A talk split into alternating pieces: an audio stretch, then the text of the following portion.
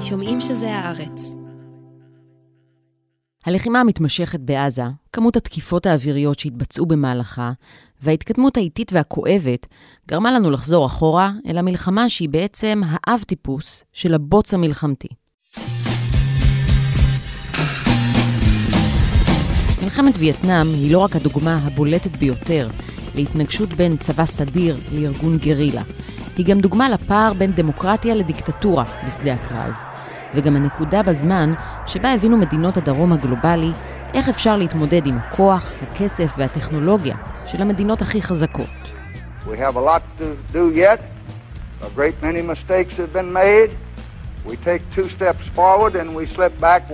מלחמת וייטנאם היא אירוע עצום שיש בו אין ספור דרמות, פרטים ולקחים. אין לנו סיכוי לכסות את הכל בפרק אחד, אבל מה שאנחנו כן יכולים זה לצלול לסיפור מרתק, סיפור של המון כוונות טובות בדרך אל הגיהנום.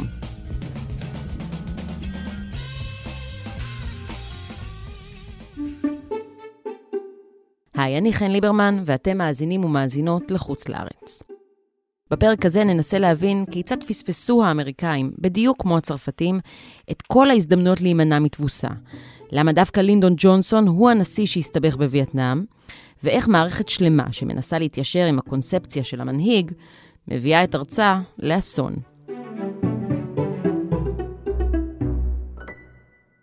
שלום לדוקטור גיא לרון, מרצה בכיר במחלקה ליחסים בינלאומיים באוניברסיטה העברית. תודה. שלום, שבאת. שלום. אה, תשמע, רצינו קצת באמת להתאוורר מהבוץ העזתי, חשבנו איך נעשה זאת. עם הבוץ הווייטנאמי נלך כמה שנים טובות אחורה, אה, כדי אולי ללמוד קצת ממלחמת וייטנאם, להבין איפה קווי הדמיון אה, בין המלחמה בעזה לבין מלחמת וייטנאם, איפה השוני, ובאיזה אופן מלחמת וייטנאם היא איזשהו פרוטוטייפ, אב טיפוס להרבה מהמלחמות של השנים האחרונות, אה, איך היא, אפשר לומר, אולי הקדימה את זמנה. אה, אבל לפני הכל, אולי נעשה איזושהי תעודת זהות קצרה למלחמת וייטנאם, מבחינת uh, כמה שנים, איזה נשיאים, כמה הרוגים, מי נגד מי. אוקיי. אז uh, יש לפחות שני מלחמת וייטנאם. יש את המלחמה הצרפתית, שפורצת בערך בין 1946 ל-1947, אה, שבה הצרפתים אה, מנסים להשתלט מחדש על וייטנאם, אחרי שהשליטה בווייטנאם עבדה להם במהלך אה, מלחמת העולם השנייה, לטובת יפנים ואחרי זה סינים. והם מפסידים את המלחמה הזאת בעקבות הקרב בדיאן בן פו.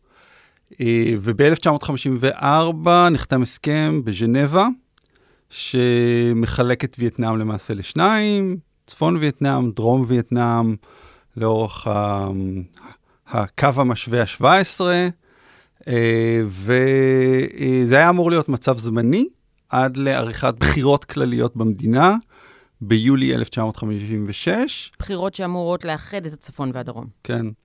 וזה מסוג ההסכמים האלה שהצדדים בעיקר מעוניינים להפסיק את הלחימה, וזה הסעיף המרכזי בהסכם. אה, באשר לפתרונות שיבטיחו שלום בר קיימא, לזה אף אחד לא הייתה כוונה ליישם.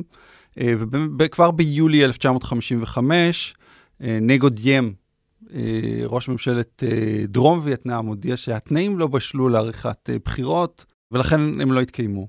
אז uh, בעצם הדבר היחיד שמתקיים מ-1954 זה החלוקה, אבל שלום אין. שממה בעצם נובעת החלוקה הזאת? היא מתבססת בעיקר על uh, שליטה פוליטית בחלקים השונים של uh, uh, וייטנאם. היא הייתה מחולקת לפי ה... גם חלוקה שנובעת מההיסטוריה שלה, אבל גם החלטות אדמיניסטרטיביות של הצרפתים. לשלושה חלקים, קוצ'ין צ'יינה, זה הדרום, אנאם, זה המרכז, חלק מה... כן, האמצע של הרצועה הארוכה הזאת, ואז טונקין. שטונקין היה החלק האחרון שהצרפתים השתלטו עליו, והוא שונה מבחינה כלכלית מהחלקים האחרים של וייטנאם. הוא יותר מפותח, יותר עירוני, יותר מתועש. בין השאר נמצאו שם אה, מרבצים גדולים של פחם באיכות גבוהה, שזה מאפשר לבנות uh, מפעלים של uh, טקסטיל וקרמיקה, שמייצאים בעיקר לכל רחבי האימפריה הצרפתית. אה, ובגלל שטונקין נראית אחרת מבחינה כלכלית, אז זה גם המקום שבו קמה מפלגה מהפכנית. היא קוראת לעצמה קומוניסטית, אבל הנאמנות של האנשים שהקימו אותה לרעיונות הקומוניסטיים הייתה בעיקר זה שהם לא רוצים את הצרפתים שם, והם רוצים אה, לאומנות כלכלית, נקרא לזה, וייטנאם לווייטנאמים. אה, ולכן הצפון יהיה אה, החלק הקומוניסטי, החלק המורד, החלק הבועט. רואים את זה בכל רחבי העולם הקולוניאלי, כל מקום שהמודרניזציה עבדה בקצב מהיר, זה הכין את הציבור המקומי, זה יצר בו את הקבוצות שיבנו את התנועה הלאומית ויקראו לשחרור מעול הזרים. ב-1941, לאחר עשורים של נדודים, חזר גוויין סינג קונג לווייטנאם. הוא אימץ את הכינוי הו צ'י מין, מביא האור, והקים את הווייט מין, תנועה שנלחמה כדי להשתחרר מהיפנים ששלטו במדינה. Everywhere, Ho has the same message of encouragement for his people. He is telling these villagers that sooner or later, Vietnam will win its independence and have peace. לאחר כניעת היפנים, החליטו הצרפתים לחדש את האחיזה שלהם בווייטנאם. הו צ'י מין העביר אז מסר לשאר דה גול, לפיו הדרך היחידה של צרפת לשמור על יוקרתה היא להכיר בעצמאות וייטנאם. דה גול אפילו לא טרח לענות. הו מיהר להכריז על עצמאות, ואז החלה המלחמה מול הצרפתים. החשש בוושינגטון מהפסד צרפתי גרם לאמריקאים להיות מושקעים יותר ויותר באמצעות סיוע לוגיסטי וכלכלי. בשלב מסוים שקל הנשיא אייזנהאואר להטיל פצצה גרעינית על סין כדי למנוע ממנה לסייע לצפון וייטנאמים.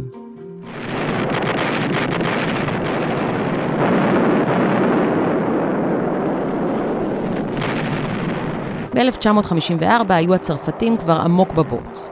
השיא היה באחד הקרבות המפורסמים בהיסטוריה, שהתקיים בדיאן ביאן פו, שבו הובסו חיילי הרפובליקה, מה שהוביל לחתימת הסכם ז'נבה ולעזיבת הצרפתים מוכים ומושפלים.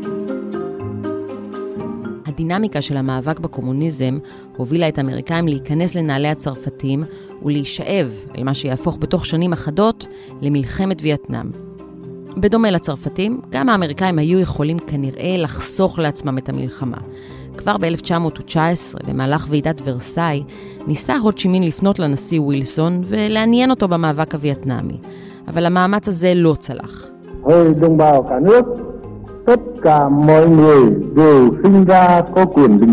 בנאום העצמאות ב-1945, הו צ'י מין ציטט מתוך מגילת העצמאות האמריקאית, והיועצים האמריקאים שהיו באותה עת במדינה ראו בו דווקא דמות חיובית שפועלת לשחרור עמו, אלא שבוושינגטון לא השכילו לראות את זה וצבעו את המאבק שלו בצבעי המלחמה הקרה.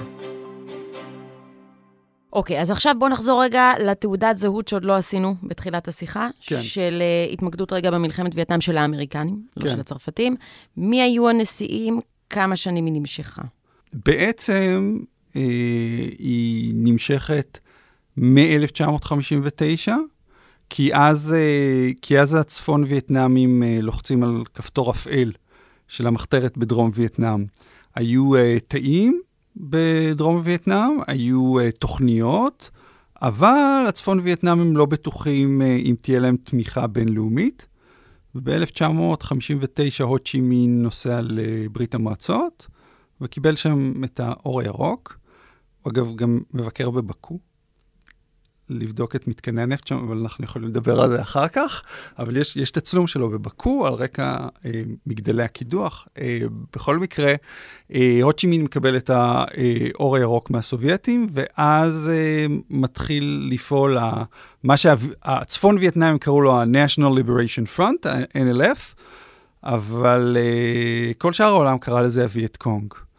אה, המלחמה מבחינת היסטוריונים אמריקאים, כי הם מסתכלים על זה בעיניים אמריקאיות. המלחמה באמת מתחילה בקיץ 1965, כשאז uh, לינדון ג'ונסון מקבל את ההחלטה להעלות את uh, חיל המצב, או את uh, כמות הקצינים והחיילים האמריקאים שנמצאים בדרום וייטנאם, ממשהו כמו 15,000 ל-120-130 אלף חיילים.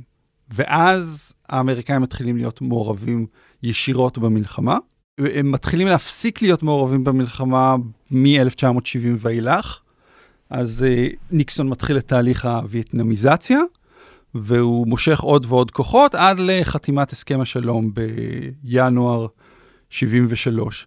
מי שללא ספק הרחיב בצורה דרמטית את המלחמה בווייטנאם, בלעדיו היא לא הייתה אירוע כזה משמעותי, זה לינדון ג'ונסון. Mm-hmm. הוא עושה את כל ההחלטות המשמעותיות, אה, והוא גם מעלה את אה, מספר הכוחות האמריקאים שם. כשהוא עוזב את הבית הלבן, יש מעל לחצי מיליון אה, חיילים אמריקאים בדרום וייטנאם. ובסוף אפשר לומר שזו מלחמה שגם הכניעה אותו. אה, לחלוטין. I have today ordered to Vietnam the Air Mobile Division and certain other forces which will raise our fighting strength from 75,000 to 125,000 men almost immediately. למה האיש הזה עשה את זה? זה, יש כל מיני הסברים. זה, יש את ההסבר הפסיכולוגי, שכן, הוא לא רצה להיראות כנשיא שמפסיד איזושהי טריטוריה במלחמה קרה, והוא פחד שהרפובליקנים יתקפו אותו. טוב, בוא נגיד שזה היה שיקול. אחרי זה יש את הדפוס של ההמשכיות, זאת אומרת, אה, קנדי כבר העלה את מספר היועצים במרכאות האמריקאים בווייטנאם למשהו כמו 15 אלף. אז אה, לינדון ג'ונסון, אה, קשה לו להתנתק מהמדיניות הזאת. אה, ויש אה, את ההיבט הכלכלי, שכמנהגי אני אה, אדגיש אותו, שהוא אה, וזה, וזה מזיכרונות של אה, מישהו שהיה, כן, אה, ניהל את עסקי הנפט של של בדרום וייטנאם. הוא אומר, התוצר הכלכלי הכולל של צפון וייטנאם היה משהו כמו 1.6 ביליון דולר. של צפון וייטנאם, 1.6 ביליון. התקציב הכולל של השהות האמריקאית בדרום וייטנאם לשנה היה 30 ביליון. Mm. פי כמה וכמה וכמה מהחשיבות הכלכלית של האזור שהאמריקאים אה, נאבקים עליו. הוא אומר, ומי הרוויח מזה הכי הרבה, מה-30 ביליון דולר? אז uh, חברות הנפט, שנהנות מגישה אקסקלוסיבית לשוק עצום. הוא אומר שהצריכה שה, האמריקאית של נפט בדרום וייטנאם הייתה כמו של uh, מדינה תעשייתית בינונית. נגיד משהו כמו הצריכה הכוללת של ספרד או איטליה כולה. אה, ומי עוד נהנה מזה? יצרני הנשק וקבלנים גדולים אה, שבנו מתקני ענס שדות תעופה, נמלים. ווסטמורלנד, אה, שהיה המפקד האמריקאי בדרום וייטנאם, הוא לא הסתפק בפחות מדגם מוקטן של הפנטגון בשביל המפקדה שלו. אז עכשיו, על מה בנויה הכלכלה של טקסס? ממנה לינדון ג'ונסון בא, נפט. ונשק. בלי, בלי אה, אה, ההרחבה הדרמטית של תקציב ההגנה האמריקאי, תחת לינדון ג'ונסון, אה, לא היינו מקבלים תעשיית נשק בטקסס, אבל גם לא היינו מקבלים את אה, Texas Instruments, זאת אומרת, תעשיית אלקטרוניקה. אז בעצם הטענה היא שמה שגורם ללינדון ג'ונסון להמשיך להעמיק אה, ולשקוע בבוץ הווייטנאמי, זה חברות הנפט והנשק, שלוחשות לאוזנו, ו... זה, זה, זה גם המגזרים שהתחזקו מאוד בתקופה הזאת בכלכלה האמריקאית. השאלה אם יש פה סיבה ותוצאה. כלומר, יש פה נסיבות, אבל האם באמת לינדון ג'ונסון, אה, אה, לולא חברות הנפט והנשק היה יוצא מווייטנאם? אז טוב, אם היית מדבר, רוב האנשים האחרים שהיית מדברת איתם היו אומרים לך, לא, זה האידיאולוגיה וה... כן, והעניין של האסטרטגיה, אבל הרעיון הזה שמישהו נכנס לבית הלבן ואז הוא שוכח את הקואליציה הביתית שהביאה אותו לשלטון, אה, ואיתה הוא קשור, למשל, אה, אה, לינדון ג'ונסון, כל הקריירה שלו היה קשור עם חברה קבלנית ענקית בשם בראון אנד רוט, שהבסיס שלה זה בטקסס. אה, והיא בנתה מתקני ענק בשביל הצבא האמריקאי בכל רחבי העולם, וכמובן שגם בווייטנאם. אה, אז אה, הסיכוי שלך להגיע לבית הלבן ולשרוד שם, זה אם אתה בונה קואליציה עסקית מסביבך, שתממן לך את הקמפיינים ותתמוך בך. עכשיו, כמובן שזה נגמר רע מאוד, אבל uh, כשאתה מתחיל במעשה, אתה מנבא את הסוף שלו, מתוך העבר, לא מתוך היכולת באמת לנבא את העתיד. ומה שלינדון ג'ונסון אה, לא צפה, לפי דעתי, זה כמה המלחמה תסתבך, אה, ומה יהיה התגובה בבית, את העלייה של תנועות הסטודנטים, של ה baby boomers. אני לא בטוח שהוא הבין עד הסוף, הוא חשב שזה מטרד, שהוא יוכל לדכא אותם, אה, ובסופו של דבר, כן, זה היה בעוכריו.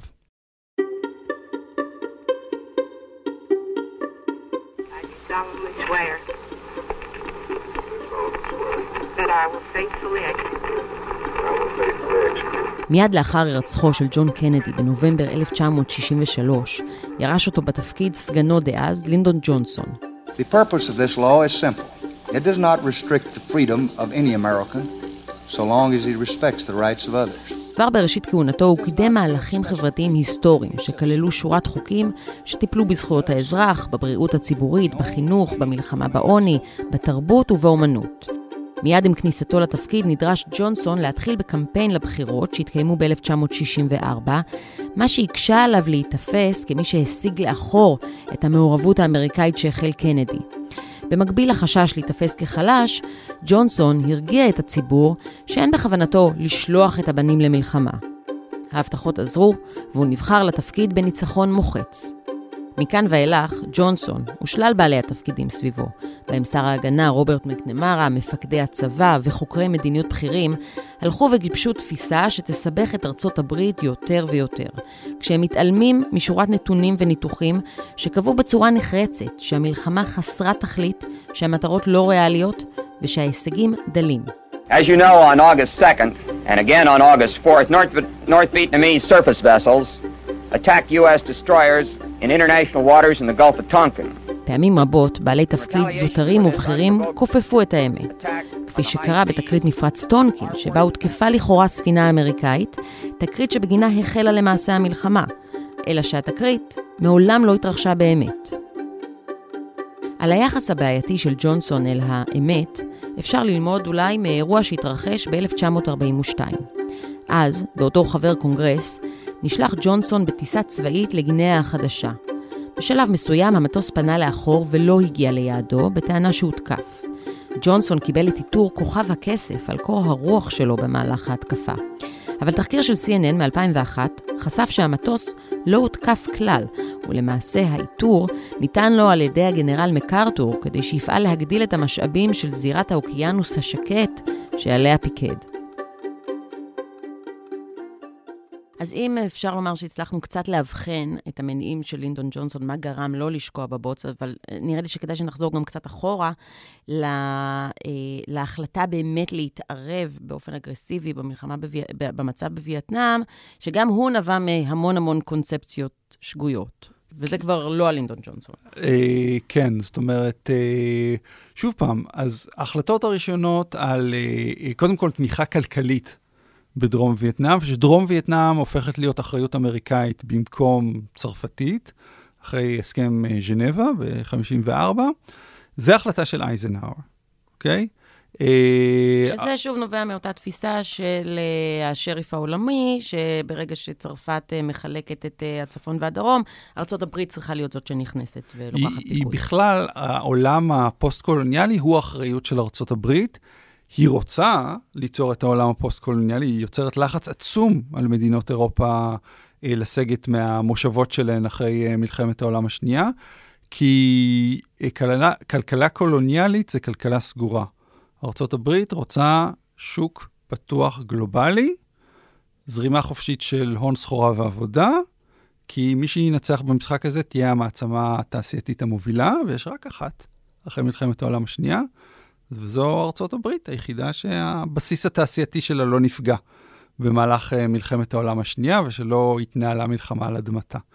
אז uh, זה, כן, זה, זה, זה הזווית של uh, אייזנהאואר, שבאמת היה אינטרנציונליסט ואדם עם מודעות מאוד גבוהה לשאלה של הנגישות לחומרי גלם. עבור התעשייה האמריקאית.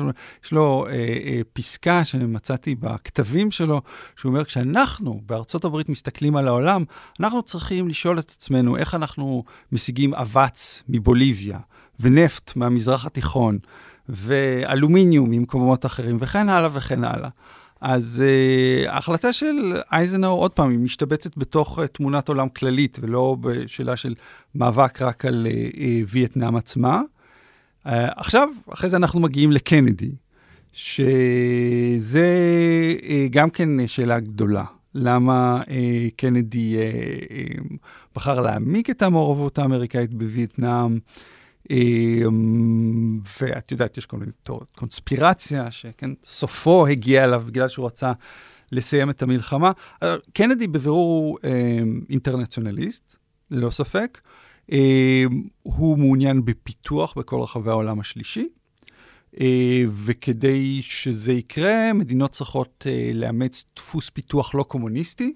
יש לו גם יועץ אה, אה, שנכתב עליו נכתבה עליו ביוגרפיה על וולט רוסטו, America's Rasputin. כן, האיש יעץ אה, עצות אחיתופל לשני נשיאים, גם לקנדי וגם ללינדון ג'ונסון. קנדי אמר עליו שיש לו עשרה רעיונות uh, ביום, one of them uh, is useful, but the other nine are absolute disasters. אז שצריך להיות איזה פילטר בינו לבין רסטו. אבל, אה, אבל, אבל זה היה, כן, הרעיון המכונן של רסטו, של, של, של איך להפיץ דפוס פיתוח לא קומוניסטי ברחב העולם השלישי.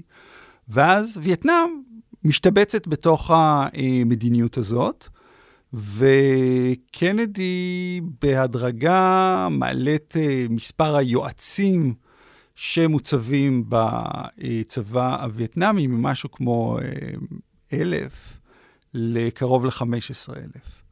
אה, הם לא מעורבים בלחימה באופן ישיר, אבל הם כן כבר מתחילים להיות מצורפים לכל גדוד, נגיד בצבא הדרום-וייטנאמי.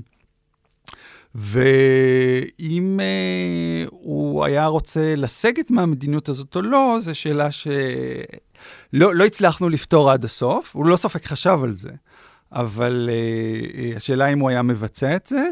אני לא מאמין שהוא היה מרחיב את מספר הכוחות האמריקאים בווייטנאם, כמו שלינדון ג'ונסון עשה, זה ממש לא התאים לו, הוא היה איש של חתימה נמוכה של נוכחות אמריקאית. I came here to speak to you about Vietnam. I do not have to tell you that our people are profoundly concerned about that struggle. There are many sincere and patriotic Americans who harbor doubts about sustaining the commitment that three presidents and a half a million of our young men have made. אבל הרצון הזה באמת לייצר עולם אה, תעשייתי, כלכלי, לא קומוניסטי, עד כמה הם קיבלו גם מסרים סותרים לתפיסה שלהם את וייטנאם, את צפון, צפון וייטנאם כמעוז קומוניסטי, וכמה הם התעלמו מהאותות האלה. אז זה אה, רגע חשוב בשיחה כדי להאיר את הדמיון לסיפור בעזה שהוזכר ב, ב, בהתחלה, כי אה, היו המון אותות שהמלחמה בווייטנאם is unwinnable, אוקיי? יש uh, כמה דוגמאות uh, מפורסמות, שסביב uh, 65, קצין מטה אמריקאי בדרום וייטנאם אה, שואל את עצמו שאלה פשוטה, כמה חיילים צפון וייטנאם אה, יכולה לגייס כל שנה ולשלוח דרומה? אה, והוא מגיע למספר 200 אלף. זה פחות או יותר מפיל אותו מהכיסא, כי הוא מגיע למסקנה שארצות הברית לא יכולה להדביק את קצב הצמיחה הזה של הצבא הצפון-וייטנאמי, שהרבה יחידות שלו אחרי זה מגיעות לדרום ומשתלבות בווייט קונג. אמ, והוא מביא את זה לקצינים שלו. ובמקום uh, להגיד לנשיא, זה מספר שאתה חייב להסתכל עליו, כן, המשפט שהם אומרים, we're, we're practically fighting the birth rate in Vietnam. האיום הדמוגרפי. כן. אז uh, הם פשוט מקטינים מאוד את המספר. בדוח שהם מוסרים לנשיא. אה, זה, זה יורד מ-200 אלף לכמה עשרות אלפים, שזה נשמע הרבה יותר... אה, מתי זה, כלומר, מי מחליט להוריד את המספרים, כלומר בעצם לעוות את אה, הממצאים, ומתי זה מתגלה? עוד הקצינים ב... ב זה מתגלה בספר של דיוויד הלברסטם, The Best and the Brightest. שם זה נחשף, אבל זה כבר יוצא, כן, אה, אה, בערך בשנה שהמלחמה הסתיימה. אה, מה שאפשר לראות בתהליך קבלת ההחלטות האמריקאי זה שמי שיושב למטה בשטח בדרום וייטנאם, אה, ויש לו את המידע כדי להוכיח שאי אפשר לנצח את המלחמה הזאת, אה, הוא מתאים את ההערכות שלו כדי לשרת את התפיסה הכוללת של הנשיא. זה, זה בעיקר בולט בתקופה של לינדון ג'ונסון, שמחליט כל פעם להגדיל עוד ועוד את מספר החיילים בווייטנאם, ושברור למי שמשרת מתחתיו, שהוא לא, זה לא בן אדם שפתוח לדאטה, שתציג לו איזה נתונים והוא יגיד, וואלה, אני טעיתי. כל הסיפור הזה בווייטנאם זה היה טעות. הוא בעצם מתחיל לשנות uh, כיוון uh, רק uh, uh, אחרי מתקפת הטט, ואחרי שזה מאוחר מדי מבחינתו לעשות החלטות uh, גדולות. אבל המצב הזה שבו הרצונות של לינדון ג'ונסון מחלחלים עד כדי כך למטה, עד כדי כך שהדרג בשטח משנה ממצאים ו, ו, ומעוות את העובדות, זה... אני מנסה להבין מה הרקע שמייצר תרבות כזאת, כי זה נשמע לי מאוד לא אמריקאי. אה, לא, זה, זה מאוד אנושי. אה, אתה רוצה להתקדם בקריירה הצבאית שלך, אתה יודע שאם אתה תביא אה, אה, מידע סותר, אז אה, הקריירה שלך תעוכב. ופה צריך להזכיר את ה-Tet Offensive, כי עוד פעם אנחנו מחפשים את קווי הדמיון. This is where the Viet Cong raiders broke in. They'd sneaked up and blasted a hole in the reinforced concrete fence surrounding the compound. They had the big embassy wall to protect them. They were inside before anyone knew it. ב-30 בינואר 1968, אירוע שמשנה את פני ההיסטוריה, אה, בחג, הכוחות של הווייט קונג, שחוזקו מאוד ביחידות של אה, צבא צפון וייטנאם, אה, תוקפות במפתיע כמאה ערים ברחבי דרום וייטנאם. זה אחרי שהנשיא ג'ונסון ובכירים בממשל שלו שלחו את העם האמריקאי לעונת הקריסמס עם ההבטחה that we're turning a corner in Vietnam, המלחמה נוטית לטובתנו, אנחנו מנצחים, אנחנו מצליחים, ואז, כן, את גרה במסצ'וסטס או בקליפורניה, את פותחת את הטלוויזיה ואת uh, רואה תמונות מסייגון, uh, שבהם כוחות של הווייט קונג חדרו לתוך המתחם של השגרירות האמריקאית. ו... והובסו, כן? זאת אומרת, הובסו על ידי הנחתים שם.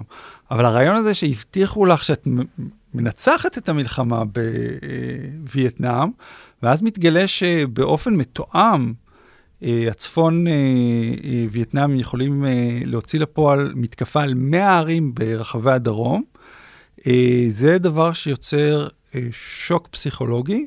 אני חושב שמתקפת הטט היא איזשהו prototype לדברים שקורים אחרי זה במאה ה-20, כי זה, אה, אני חושב שזה לא דומה לשום דבר אחר מהבחינה הזאת של מהלך צבאי שהוא כולו למעשה מתקפת טרור. הרי אה, ההנחה האמריקאית שאם הצפון וייטנאמים יצאו למלחמה כוללת נגדם, הם יעשו את זה כדי לנצח בשדה הקרב. ואז זה איום מסוג מסוים שמגיע מקו הגבול עם צפון וייטנאם. פלישה של צבא עם טנקים או משהו כזה. אבל פה זה משהו אחר, זה אה, אה, מתקפה, שהיא למעשה מתקפת טרור, אה, יוצאת לפועל אחרי תוכנית הונאה מאוד מסודרת, שהטעתה את האמריקאים, אה, והמטרה שלה היא לגרום הלם פסיכולוגי. בלי קשר להישגים הצבאיים, שהם היו אפס. כל ה... למעט מקום אחד, העיר הווה. אבל רגע, מה הופך אותה למתקפת טרור? הם הרי תקפו בסיסים אמריקניים. המטרה היא... אה, לא, לא, הם תוקפים קודם כל ערים, והם הורגים... כלומר, זו מתקפה נגד אזרחים. כן, כן. כל, כל הסיפור של הווייט קונג הוא, הוא, הוא של מתקפת טרור בלתי פוסקת. הם הורגים אזרחים, ההערכה היא שהם הרגו עשרות אלפי אזרחים ברחבי דרום וייטנאם. יש לנו נטייה לחפש טובים ורעים בסיפור הזה, אבל uh, uh, הצד הצפון וייטנאמי מאוד ציני, מאוד אלים. העניין על הבטט אופנסיב, שהיא הייתה כישלון צבאי, אבל הצלחה פוליטית פסיכולוגית.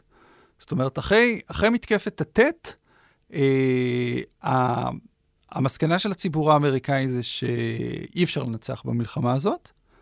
אה, זו הבנה, אגב, שונה לחלוטין מההבנה של הצבא האמריקאי. ווסטמורלנד, כן, המפקד האמריקאי בדרום וייטנאם, מאמין שזו הייתה הצלחה בלתי רגילה. שוב פעם, כל ההתקפות האלה נהדפו, שוב, למעט מקום אחד, אה, בהווה, זה קרב מפורסם שנמשך שלוש שבועות, אבל בכל מקום אחר בדרום וייטנאם, תוך יום-יומיים הצליחו אה, אה, להכניע את הכוחות התוקפים. אה, אז למה הציבור האמריקאי ראה את זה בצורה כל כך, כלומר, חווה את זה בצורה שהכתה אותו בכזה הלם וחוסר רצון להמשיך? אה, אני חושב... כלומר, מה הפער הזה בין הצבא לבין הציבור? אני חושב שמעבר לכל דבר אחר, זה, ה... אה, זה שני דברים. זה הפער בין הרטוריקה של הממשל לבין המציאות בשטח, וזה ההבנה של המחיר. זאת אומרת, אתה יכול למכור לאנשים שעוד קצת ועוד קצת ועוד קצת, ויש שיפור, כן, אנחנו במגמת שיפור, ואז אה, מגיע אירוע כזה, ואתה, לא, זה יכול להימשך עוד הרבה שנים. כשלא ברור להם הרווח. שכן, בשלב הזה קשה מאוד אה, אה, להסביר לציבור האמריקאי למה צריכים להיהרג כמה עשרות חיילים אמריקאים כל יום בדרום וייטנאם. אה, אם המחיר לא כזה כבד, אתה יכול אה, למכור סיפורים כמו אה, תיאוריית הדומינו, שאם וייטנאם תיפול זאת תהיה אבן הדומינו הראשונה, ואחריה ייפול כל העולם החופשי. כדי להגן על פריז אתה צריך להילחם על סייגון, וכל מיני הסברים כאלה, עד שזה מגיע למצב שבו אה, ילדים, אה, כלומר, חיילים חוזרים ב-body bags, והאינפלציה בארצות הברית מרימה ראש, אה, ואי שקט בקמפוסים, כן, הפגנות ברחבי הקמפוסים, וערי ארצות הברית בוערות. זה, זה, זה ארצות הברית של 1968. אה, אה, היא חווה הלם גדול במתקפת הטט, ומאבדת הרבה מהביטחון העצמי שלה, שה... הטכנולוגיה העדיפה שלה, וה-can do attitude, והאופטימיזם האמריקאי, וכל הנערים הנפלאים האלה, כחולי העיניים והבלונדינים מארצות הברית, פשוט יבואו ובכוח האידיאליזם שלהם אה, ינצחו את המלחמה. Many people today, and I've heard it expressed within the last week or so, believe that, well, it was the press that lost the war. That they just kept their mouths shut. Uh, the people wouldn't have turned away. from it, and we'd have had the American people behind it, and we could have won. That is totally wrong. יש פה שתי נקודות מעניינות שרלוונטיות גם לנו היום. אחת, שנוגעת לאופן שבו אפשר לנהל מלחמה, כשיש לך תקשורת חופשית על הקרקע, מהרגע הראשון, וזה בצד של ארה"ב, שמשדרת הכל לציבור בבית, מול דיקטטורה שיכולה לגייס חיילים מכל כפר ולשלוח אותם לחזית, בלי לשאול יותר מדי שאלות. והנקודה השנייה היא הקונספציה האמריקאית שהייתה, שהם יפציצו ללא הפסקה, וזה מה שיכריע את המלחמה, וזה פשוט לא עבד מול עם שהוא תחת דיקטטורה, שלא הייתה לו את האפשרות ולא הייתה לו שום ברירה. אני אתחיל עם הנקודה השנייה שהעלית. הטענה של היסטוריונים צבאיים אמריקאים לגבי המלחמה שהאמריקאים ניהלו בווייטנאם, היא שהצבא האמריקאי ניהל את המלחמה שהוא רצה לנהל, שהוא היה רגיל לנהל, ולא את המלחמה שהוא היה צריך לנהל. הוא נאבק נגד כוחות גרילה. רוב הקרבות היו עם יחידות של פחות מ-200 איש, וארכו דקות ספורות. זה היו מערבים שבהם הווייט קונג uh, שואף uh, להרוג חייל, שניים, ארבעה, חמישה, ולהיעלם חזרה לתוך הג'ונגל. כן. Uh, ולתוך המערות שלו. והצבא האמריקאי ניהל את המלחמה הזאת כאילו הוא מנהל את מלחמת העולם השנייה. הוא מנהל אה, אה, אה, אה, פשיטות של אה, תנועות מלקחיים, אה, וסוגר על שטחים ריקים, ולא אה, תורם בזה דבר ללחימה. הקרבות שהתנהלו כמו קרבות של צבא קונבנציונלי מול צבא קונבנציונלי היו מעטים, התנהלו באמת לאורך אה, קו הגבול עם צפון וייטנאם, אבל עיקר האבדות היו בתוך דרום וייטנאם כתוצאה מפשיטות של ה... אה. והתשובה השנייה של הצבא האמריקאי לזה היה הליקופטר. כן? טקסי, טקסי אווירי, שלוקח את החיילים ומאפשר להם לדלג מרחקים עצומים. עוד חשיבות גדולה של ההליקופטר זה שאתה יכול להסתכל למטה. ובזמן שאתה טס, לראות אם הווייט קונג נעים בשטח. אז אה, החיילים האמריקאים היו מגיעים, הם היו אה, מתעמתים עם הווייט קונג, הם היו מצליחים אה, אה, הרבה פעמים אה, אה, לפגוע בו קשה, הם היו יותר מיומנים בלחימה, מאומנים יותר טוב, מצוידים יותר טוב, אה, אבל אז הם היו נסוגים. Uh, הייתה הערכה שאמרה שבעצם כדי לשלוט בצורה אפקטיבית בדרום וייטנאם, האמריקאים צריכים להציב שם צבא של מיליון איש. זה היה ברור שהקונגרס לעולם לא יאשר, ובשיאו הצבא האמריקאי הגיע לחצי מיליון. אז אה, שוב, האמריקאים, היה להם מספיק כוחות כדי לפשוט על אזור, כביכול לנקות אותו, ואז הם היו נסוגים. כשהם היו נסוגים, הווייט קונג היה נכנס פנימה, כן? היום שאחרי, כן. היום שאחרי בדרום וייטנאם, אז לא הייתה חלופה פוליטית אה, אמיתית לשליטה של הווייט קונג בשטחים הכפריים. כי הממשלה בדרום וייטנאם לא הייתה עשויה בצורה כזאת שהיא תוכל לגייס את הציבור הזה שלה. היא לא תעשה רפורמה אגררית, היא לא תחלק מחדש את האדמות. זה ה ticket של הווייט קונג. ולכן, אחרי כל פשיטה כזאת של האמריקאים, ואחרי שהם היו שורפים את הכפר, ואחרי שהם היו מוציאים להרוג את הווייט קונג, הכפרים היו חוזרים לשדות האורז, והווייט קונג היה חוזר אה, לחיות בתוכם. אה, ולכן, זאת אומרת, זה עוד סיבה שהמלחמה בווייטנאם הייתה unwinnable. האסטרטגיה של הלחימה הצבאית לא הותאמה באמת לתנאים אה, בשטח.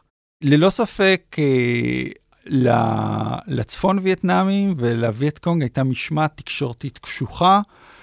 לציבור הצפון וייטנאם כמובן שהוצגו רק הצלחות, לציבור ברחבי העולם הקומוניסטי כולו אה, הוצגו רק ההצלחות, ואילו התקשורת האמריקאית הייתה שם כדי אה, לדווח אה, בזמן אמת על כל כישלון ועל כל הרוג שם.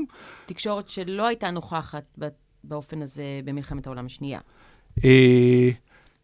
לא, היא הייתה, זאת אומרת, הרעיון הזה שהעיתונאים הם embedded עם הכוחות, זה, זה את יכולה למצוא במלחמת העולם השנייה, הם צועדים עם הכוחות, ורק שהם מגו, מגויסים לטובת המלחמה, ובמלחמת אה, העולם השנייה, ומאמינים שאפשר לנצח אותה. אה, העיתונאים שנמצאים בשטח, בדרום וייטנאם, אז אחד הדברים שמעניינים לגביהם, הם היו שם הרבה פעמים יותר מהיחידות הקרביות עצמם. זה היה לגמרי מקובל בצבא האמריקאי, שיחידה שוהה ב... ב כן, אה, אה, אה, קו החזית לא יותר מעשרה חודשים, ובהרבה מקרים פחות מזה. ואילו אה, עיתונאים אמריקאים היו שם ארבע, חמש שנים. דייוויד הלברסטם, כן, אותו אחד שאני הזכרתי, היה שם תקופה כזאת, ואז הם רכשו הבנה הרבה יותר טובה של תנאי המלחמה. It seems now more certain than ever that the bloody experience of Vietnam is to end in a stalemate. המסקנה שהתקשורת האמריקאית מסיקה שאי אפשר לנצח במלחמה הזאת, ויש שידור מפורסם של וולטר קרנקייט, אה, והוא מנתח את המצב בווייטנאם לציבור האמריקאי, ואז הוא מסיים ב- we're stuck. ולינדון ג'ונסון רואה את השידור הזה ואומר ליועצים שלו, If I lost קרונקייט, I lost the American people. אז uh, כן, לתקשורת האמריקאית... כי קונגרט לא היה ידוע כאיזשהו עיתונאי חתרני שבדרך כלל הולך נגד הממשל. זה חיים יבין, אוקיי? זה אבי אבות הקונצנזוס. ואם הוא חושב, ואומר לציבור האמריקאי שהמלחמה בווייטנאם אי אפשר לנצח בה, אז הם מקשיבים לו. אז אתה אומר, לינדון ג'ונסון שומע את זה, אומר, אם הפסדתי אותו, הפסדתי את הציבור, ומה הוא... המסק... ואיך הוא פועל בעקבות המסקנה המאוד ברורה הזאת. במרץ 1968 יש את נאום הסיונרה, הוא לא אומר את המילה סיונרה, אבל הוא ידוע כנאום הסיונרה, שבו לינדון ג'ונסון אומר ש... Uh, I shall not seek and I will not accept uh, the Democratic nomination for the presidency. הוא למעשה מתפטר. בשידור חי, הוא מודיע שהוא לא ירוץ לכהונה נוספת בבית הלבן. ואז uh, הוא גם מודיע שהוא מוכן לשאת uh, ברצינות עם הצפון וייטנאמים על הפסקת אש, שהוא מוכן לעצור את ההפצצות בצפון וייטנאם, אבל בשלב שהוא עושה את המהלכים האלה, קודם כל הוא, מה שנקרא, ברווז צולע. זאת אומרת, קשה לו להגיע להחלטות מז'וריות בשלב הזה. והדבר השני, וזה לא תיאוריות קונספירציה, יש לזה הוכחות ברורות, ניקסון, שהוא מועמד לנשיאות, אה, מטעם הרפובליקאים, מדבר עם הצפון וייטנאמים, ואומר להם, אל תחתמו על הסכם שלום עם לינדון ג'ונסון, חכו שאני אכנס לבית הלבן, אני אחתום איתכם הסכם הרבה יותר טוב. למה הוא עושה את זה? כדי שהציבור האמריקאי יצעד לקלפיות בידיעה ברורה שהדמוקרטים לא הצליחו לפתור את הבעיה בווייטנאם, והניצחון שלו לא היה נורא משכנע של ניקסון בבחירות של 1900... מה הוא מבטיח לצפון וייטנאמים בתמורה להמתנה הזאת? אה, הסכם יותר טוב, אני לא יודע כמה הוא היה ספציפי, אה, אבל אה, לאורך כל הריצה שלו לבית הלבן, שהוא חייב לנצח בה, נכון? זו הפעם השנייה שהוא רץ לבית הלבן. Okay. אם, כן. אם הוא יפסיד, הוא יהיה אחד הלוזרים הכי גדולים לגמרי. בתולדות הפוליטיקה האמריקאית. זה, הוא מבטיח לאמריקאים, I will bring peace with honor. If after all of this time and all of this sacrifice and all of this support, there is still no end in sight, then I say the time has come for the American people to turn to new leadership, not tied to the policies and mistakes of the past. אז זה כבר מכניס אותנו לתקופת uh, ניקסון. אגב, מתי זה התגלה שהוא בעצם העריך את השהות בווייטנאם כדי לנצח? קודם כל זה מתגלה בזמן אמת. לינדון ג'ונסון יודע. לינדון ג'ונסון יודע שזה מה ש... אבל הציבור האמריקאי גם יודע? לא, אבל הציבור האמריקאי לא יודע. זה, זה יתגלה שנים אחר כך. Uh, זה נקרא The Chenault Affair. Uh, Chenault זה השם של האישה ממוצא וייטנאמי, שניקסון השתמש בה כדי לדבר עם הצפון וייטנאמים, כדי לתקשר איתם. זו פרקטיקה מאוד מקובלת בפוליטיקה האמריקאית. אה, גם רגן עשה אותו דבר, הוא דיבר עם האיראנים לפני הבחירות לנשיאות ואמר להם לא לשחרר את, ה... אה, אה, את בני הערובה בטהרן. יש שיחת טלפון מפורסמת שהיא מתרחשת בין ניקסון לבין לינדון ג'ונסון. לינדון ג'ונסון יודע שזה מה שניקסון עושה, והוא אומר את זה לסנאטור מסוים, שג'ונסון מדבר איתו, והסנאטור הזה מספר לניקסון. ו... והשיחת טלפון הזאת מוקלטת, אפשר למצוא אותה, וניקסון אה, מצלצל ללינדון ג'ונסון, יס, דיק! ו... וניקסון מכחיש בצורה מוחלטת שדבר כזה אי פעם קרה, ולינדון ג'ונסון אה, לא קונה את ההתנצלות שלו. אה, למה, הוא לא... אבל הוא גם לא עושה עם זה יותר מדי, כי הוא כבר הודיע, איני יכול עוד, וזה יש, כבר... אה... יש איזה קשר מיוחד בין אה, ניקסון לבין אה, לינדון ג'ונסון. הם שניהם אה, לא מהאליטה הצפון-מזרחית. כן. הם אה, שניהם לא עברו דרך אה, הרווארד, או יל, או פרינסטון. הם שניהם מגיעים מהפריפריה האמריקאית, אחד מטקסס והשני מקליפורניה. והטענה היא שלינדון ג'ונסון רצה שניקסון ינצח, כי הוא האמין שזה יהיה האיש שכן ימשיך את המלחמה בווייטנאם. אה, וניקסון ממשיך את המלחמה בווייטנאם. למה לינדון ג'ונסון הניח שניקסון ימשיך את המלחמה בווייטנאם? ניקסון הוא נץ, ניקסון הוא אה, אדם שגם כן מזוהה עם הקומפלקס התעשייתי-צבאי. יש שתי מדינות שנהנו מאוד מתקציב ההגנה האמריקאי תוך כדי מלחמת וייטנאם.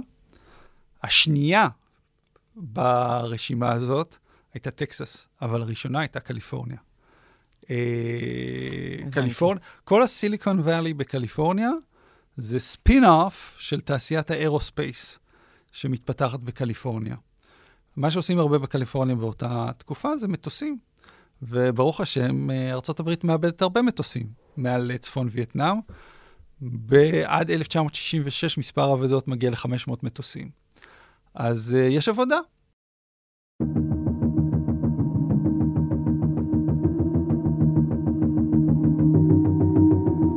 כשני מיליון אזרחים נהרגו בצפון ודרום וייטנאם במהלך המלחמה. כ-60 אלף חיילים אמריקאים, 200 אלף דרום וייטנאמים, ולמעלה ממיליון לוחמים של צבא צפון וייטנאם ושל הווייט קונג נהרגו גם הם.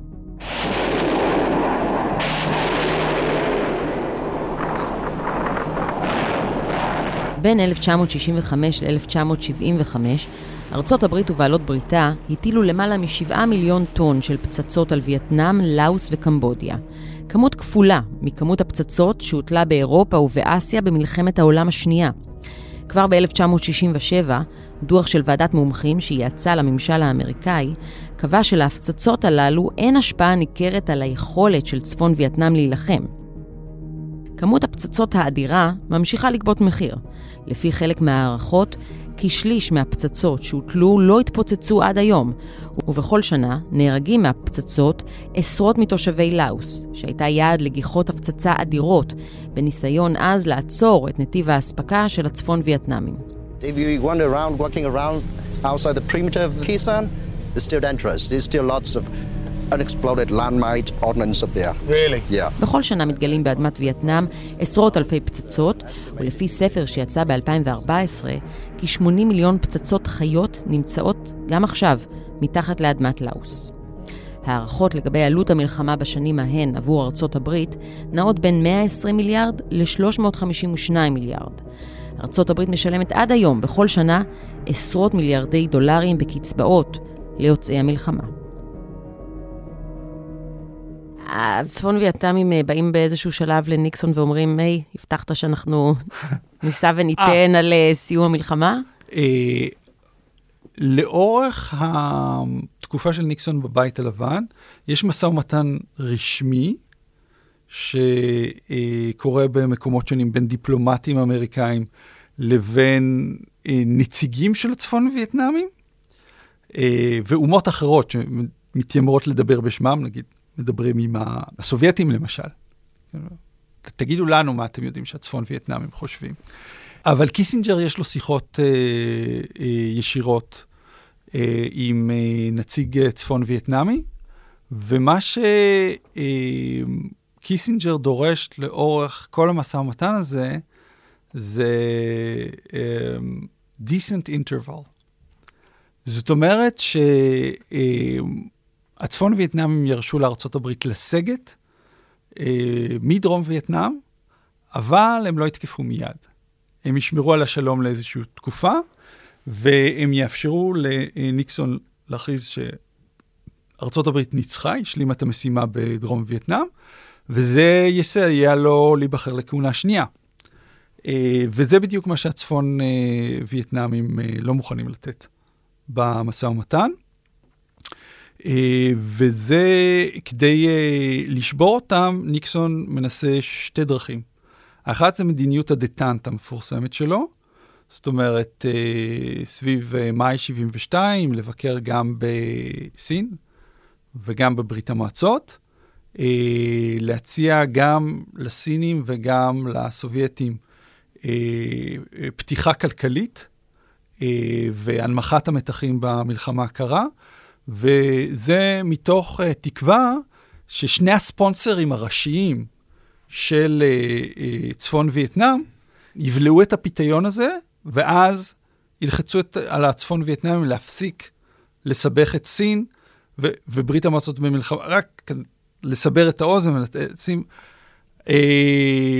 ההערכה היא שברית המועצות הוציאה כשני ביליון רובל על התמיכה שלה בצפון וייטנאם, אה, שלחה אלפי יועצים וטכנאים לשם, סיפקה את צורכי הנפט של אה, צפון וייטנאם, אה, וסיפקה הרבה מכלי הנשק שצפון וייטנאם משתמשים בהם. אה, התמיכה הסינית הייתה אפילו יותר גדולה.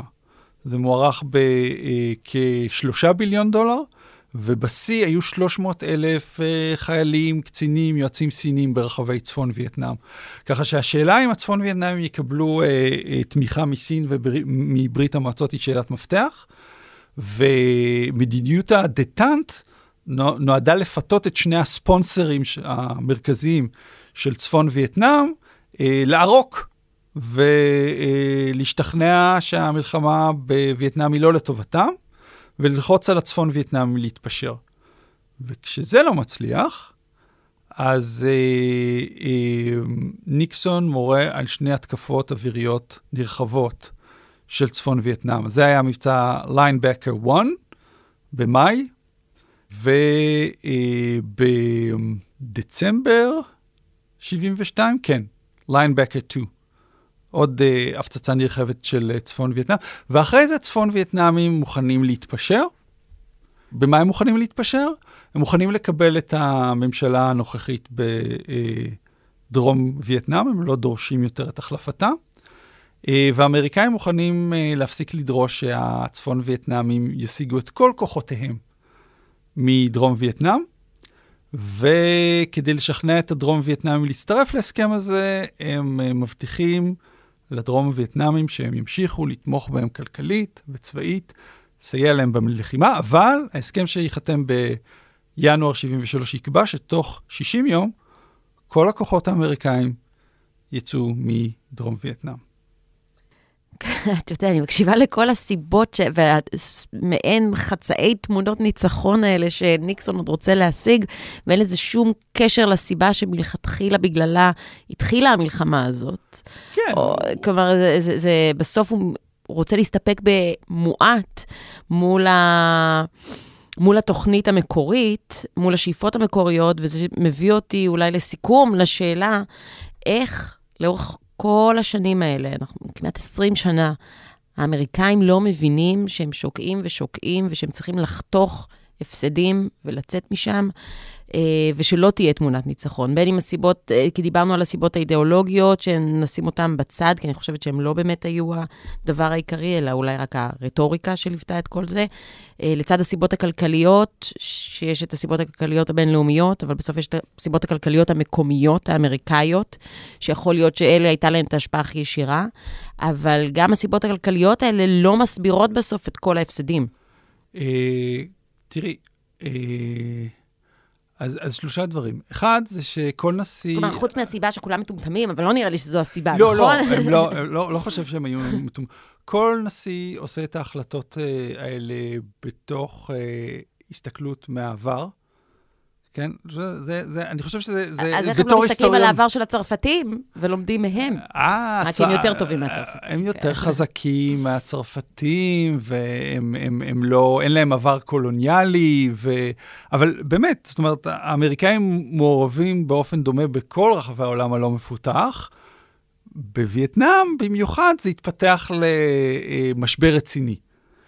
אה, כל נשיא מגיב למה שנקרא overtone window, זאת אומרת, טווח האפשרויות הלגיטימי מבחינת דעת הקהל באותה תקופה, כן? אם uh, לינדון ג'ונסון היה מוציא את, ה... את כל הכוחות האמריקאים מדרום וייטנאם בתחילת הכהונה שלו, כן, סביר להניח שהרפובליקנים היו מתקיפים אותו על זה, וזה היה משמש כחומר כנגדו. Uh, כש... והדבר השלישי שצריך להזכיר זה, זה, זה השינוי בדעת הקהל. זאת אומרת, כשניקסון מגיע לבית הלבן, זה ברור שהציבור האמריקאי לא מאמין שהמלחמה הזאת אה, אפשר לנצח בה. אה, חושב ששיקרו לו גם לאורך כל התקופה הזאת לגבי הסיכויים לנצח במלחמה. לא ו... חושב, גם... אה, יש לו הוכחות, יש לו כן. הוכחות, יש איזה, אז בסביבות 71 האמריקאים יודעים על טבח מיילאי. הם uh, ב-71 uh, מודלפים מסמכי הפנטגון, שמראים שהיו גורמים בתוך המערכת שכל הזמן אמרו שאי אפשר לנצח את המלחמה בווייטנאם, והבית הלבן לא הקשיב. זאת אומרת, כל נשיא uh, לוקח החלטה בתוך טווח האפשרויות הלגיטימי של דעת הקהל ושל המפה הפוליטית של אותה תקופה. Uh, אני חושב שכן, זה, זה, זה מראה שכשפוליטיקאים או מנהיגים בוררים מתוך אה, חלופות מדיניות שונות, אה, יש להם אופציות, אבל לא, זה לא בהכרח האופציות שהם רוצים. הם, הם עושים אה, מה שאפשר ומה שכדאי, לא תמיד מה שנכון, מבחינת ההיגיון הצרוף. דוקטור גיא לרון, תודה רבה לך. תודה רבה לך. עד כאן הפרק הזה של חוץ לארץ. אתם יכולים למצוא אותנו באתר ובאפליקציה של הארץ, ובכל מקום שבו אתם מאזינים לפודקאסטים. ואם זה באפל או בספוטיפיי, אתם גם מוזמנים לדרג אותנו, כי זה עוזר לנו להגיע לעוד אנשים. תודה רבה לאסף פרידמן, אמיר פקטור, אברי רוזנצבי ורועי סמיוני. אני חן ליברמן, ואנחנו נשתמע בשבוע הבא.